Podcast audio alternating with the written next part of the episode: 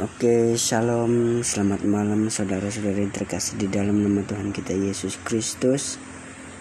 Pada kesempatan pada malam hari ini, kita mau merenungkan sebuah renungan yang terdapat di dalam perjanjian baru yaitu di dalam Kolose 3 ayat yang kelima kita akan belajar bersama-sama mengenai kehidupan yang ada di dalam dunia ini.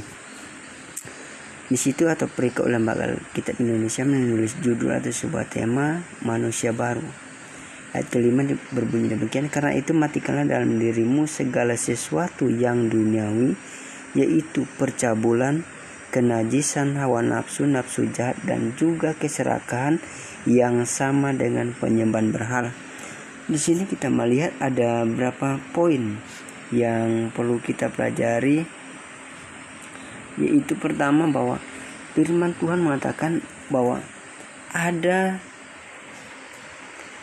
kehidupan yang perlu kita matikan di dalam kehidupan kita. Yaitu pertama adalah keinginan dunia. Di mana keinginan dunia ini? Yaitu adalah sesuatu yang begitu memikat kehidupan kita sehingga rohani kita sering kali sukar untuk bertumbuh.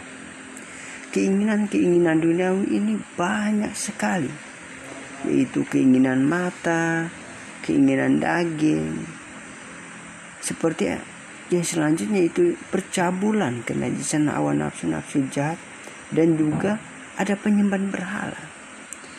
Bahwa di dalam dunia ini, kalau kita mau hidup di dalam Tuhan, kita harus menanggalkan manusia lama menggantikan dengan manusia baru yang terus diperbarui oleh kuasa Roh Kudus. Oleh sebab itu firman Tuhan Rasul Paulus mengingat kepada jemaat di Kolose untuk perlu mematikan keinginan awan nafsu duniawi di dalam kehidupan kita. Kalau kita mau hidup di dalam kebenaran firman Tuhan.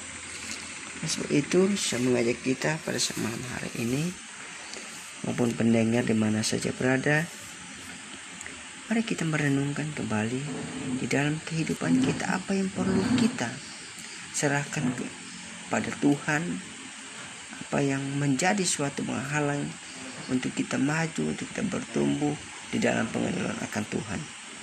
Oleh sebab itu Rasul Paulus mengingatkan pada jemaat Kolose supaya jemaat Kolose mengerti bahwa kehidupan orang-orang yang hidup di dalam takut akan Tuhan perlu mematikan keinginan-keinginan duniawi yang ada di dalam kehidupan.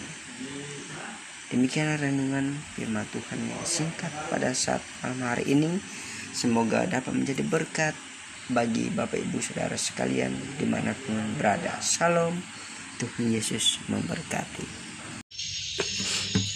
Shalom saudara-saudara yang terkasih dalam nama Tuhan kita Yesus Kristus di mana pun saudara berada saat pagi hari ini kita sepantasnya mengucap syukur kepada Tuhan karena kebaikan Tuhan yang sungguh luar biasa yang begitu sempurna penyertaan Tuhan lautan Tuhan di dalam kehidupan Bapak Ibu Saudara dan saya sehingga kita bisa menikmati keindahan alam semesta dicipta oleh Tuhan Sepantasnya kita mengucap syukur karena kelimpahan Tuhan yang begitu luar biasa. Namun sebelum kita belajar kembali untuk mengenai manusia baru yang hidup terus diperbarui oleh Tuhan, saya akan menyanyikan sebuah lagu.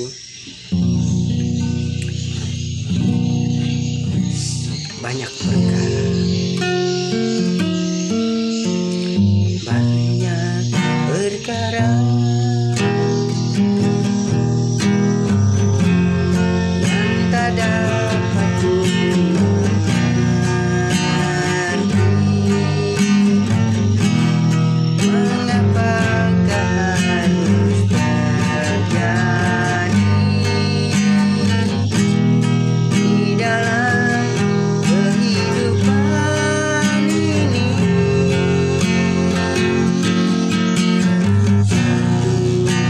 that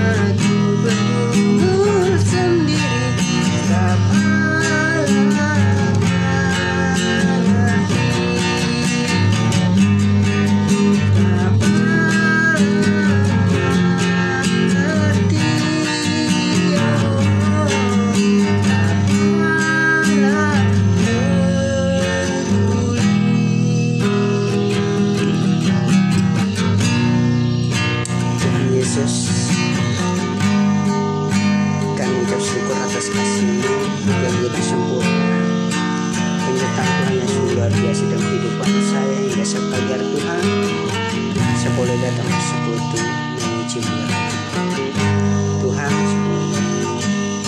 menyampaikan kebenaran firman Tuhan.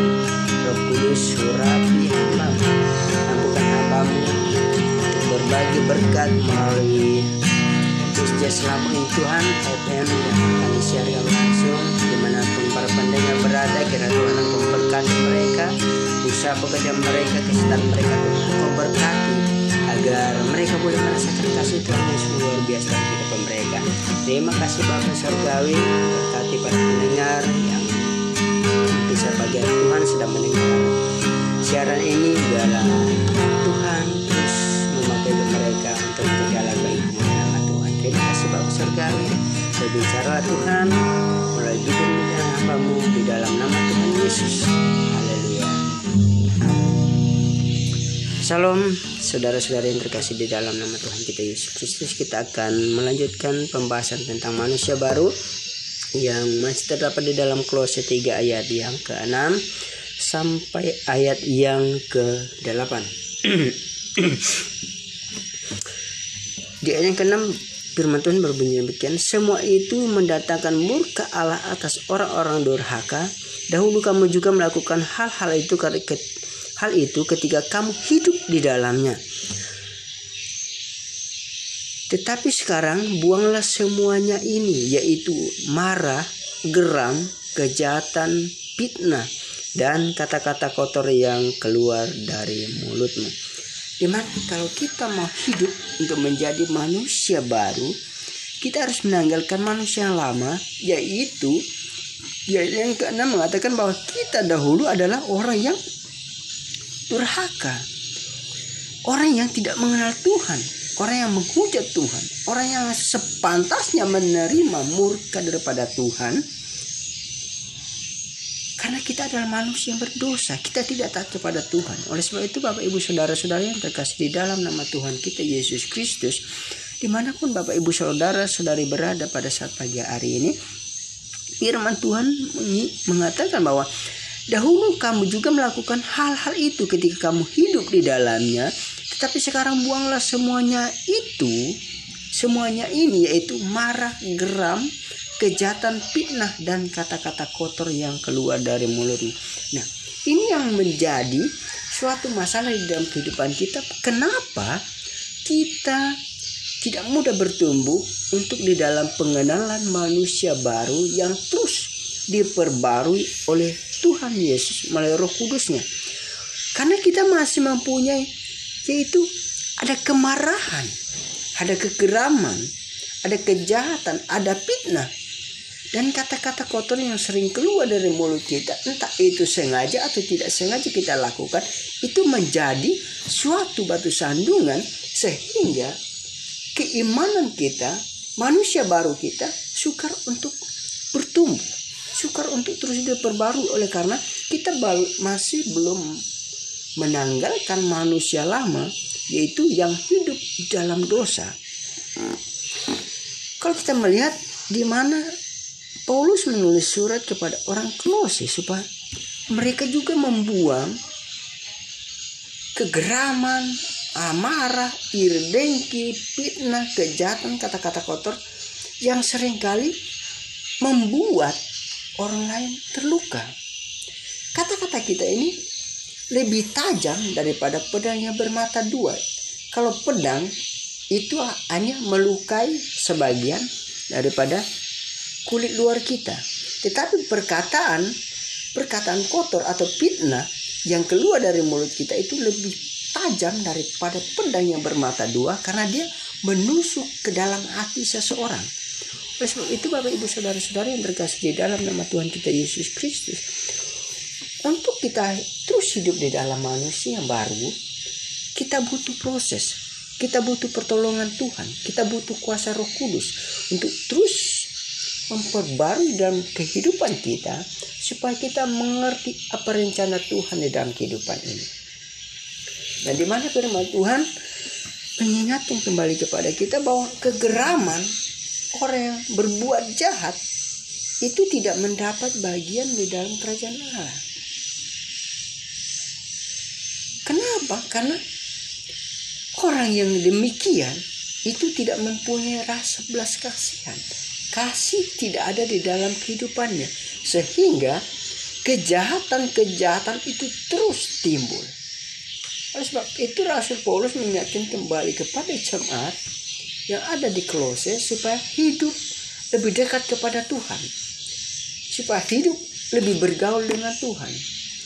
Mungkin kalau kesaksian saya, dahulu saya adalah orang yang begitu jauh dari hadapan Tuhan. Saya adalah seorang peminum, pemabuk, perokok, pejudi, dan segala macam lainnya. Sebenarnya saya sudah layak mendapat murka Tuhan. Tetapi Tuhan begitu mengasihi kehidupan saya, Tuhan begitu peduli, sehingga saya diberi kesempatan untuk menjadi hamba Tuhan, untuk melayani, untuk menyampaikan kebenaran firman Tuhan. Itu bukan oleh karena gagah kuatnya saya, tetapi oleh karena kasih karunia Tuhan. Oleh sebab itu Bapak Ibu Saudara-saudara yang terkasih di dalam nama Tuhan kita Yesus Kristus. Di ayat yang ke-9 di situ dikatakan jangan lagi kamu saling mendustai karena kamu telah menanggalkan manusia lama serta kelakuannya. Apa manusia lama serta kelakuannya? Iya itu hidup di dalam dosa. Hidup di dalam amarah hidup di dalam kegeraman, hidup di dalam kejahatan fitnah dan kata-kata kotor yang sering kali keluar dari mulut ini. Oleh sebab itu, firman Tuhan mengatakan bahwa dengan mulut kita memuji-muji Tuhan, dengan mulut kita menyangka Tuhan, dengan mulut kita menghujat Tuhan, dengan mulut kita mencela Tuhan. Oleh sebab itu pergunakan mulut ini untuk memuji memuliakan nama Tuhan. Supaya dengan demikian kita menanggalkan perbuatan-perbuatan manusia lama kita, yaitu kebiasaan-kebiasaan buruk yang sering terjadi dalam kehidupan kita. Karena tidak ada kebiasaan yang tidak kita lakukan. Nah, contohnya, mungkin kalau kita, kita berbuat baik dari awalnya kecil dan terus menerus itu akan menjadi suatu kebiasaan. Begitu juga dengan perilaku hal yang buruk dari kecil awal-awalnya lama-lama menjadi besar sehingga itu mengandungkan dosa dalam kehidupan kita. Oleh sebab itu Bapak Ibu Saudara-saudara yang terkasih di dalam nama Tuhan kita Yesus Kristus. Kita perlu menanggalkan manusia lama serta kelakuannya dan menerima hidup baru yaitu menerima Yesus sebagai Tuhan di dalam kehidupan kita supaya dia terus memperbarui hidup kita. Hanya satu-satunya jalan di dalam dunia ini yang menuju kepada kehidupan kekal itu melalui Yesus. Karena di dalam Matius maupun di dalam Yohanes mengatakan bahwa akulah jalan kebenaran dan hidup. Tidak ada seorang pun yang bisa datang kepada Bapa kalau tidak melalui aku. Ya, Yesus adalah suatu jalan yang nyata. Di mana dahulu kita hidup di dalam dosa, dahulu kita tidak mengenal kasih karunia, Dahulu kita hidup di dalam kelakuan manusia lama kita yang terus terus menerus berbuat dosa. Tapi setelah kita mengenal Yesus, kita menerima manusia baru. Oleh sebab itu Roh Kudus ingin terus memperbarui kehidupan kita lepas hari. Sebab itu Bapak Ibu Saudara-saudari, para pendengar di mana pun saudara berada, mari kita renungkan kembali dalam kehidupan kita. Apakah kita sudah menanggalkan manusia lama serta kelakuan yang membuat hidup kita sukar untuk bertumbuh, sukar untuk datang kepada Tuhan. Entah itu ada tantangan rintangan sering kali yang membuat kita tidak mau datang kepada Tuhan itu adalah suatu kemalasan atau kesibukan sehari-hari. Itu ada kelakuan, perbuatan yang sering kali membuat kita lupa kepada Tuhan. Oleh sebab itu mari kita tanggalkan, kita pergunakan waktu yang Tuhan beri, kita datang kepada Tuhan, kita bersekutu kepada Tuhan, menyembah, memuji, melakukan nama Tuhan.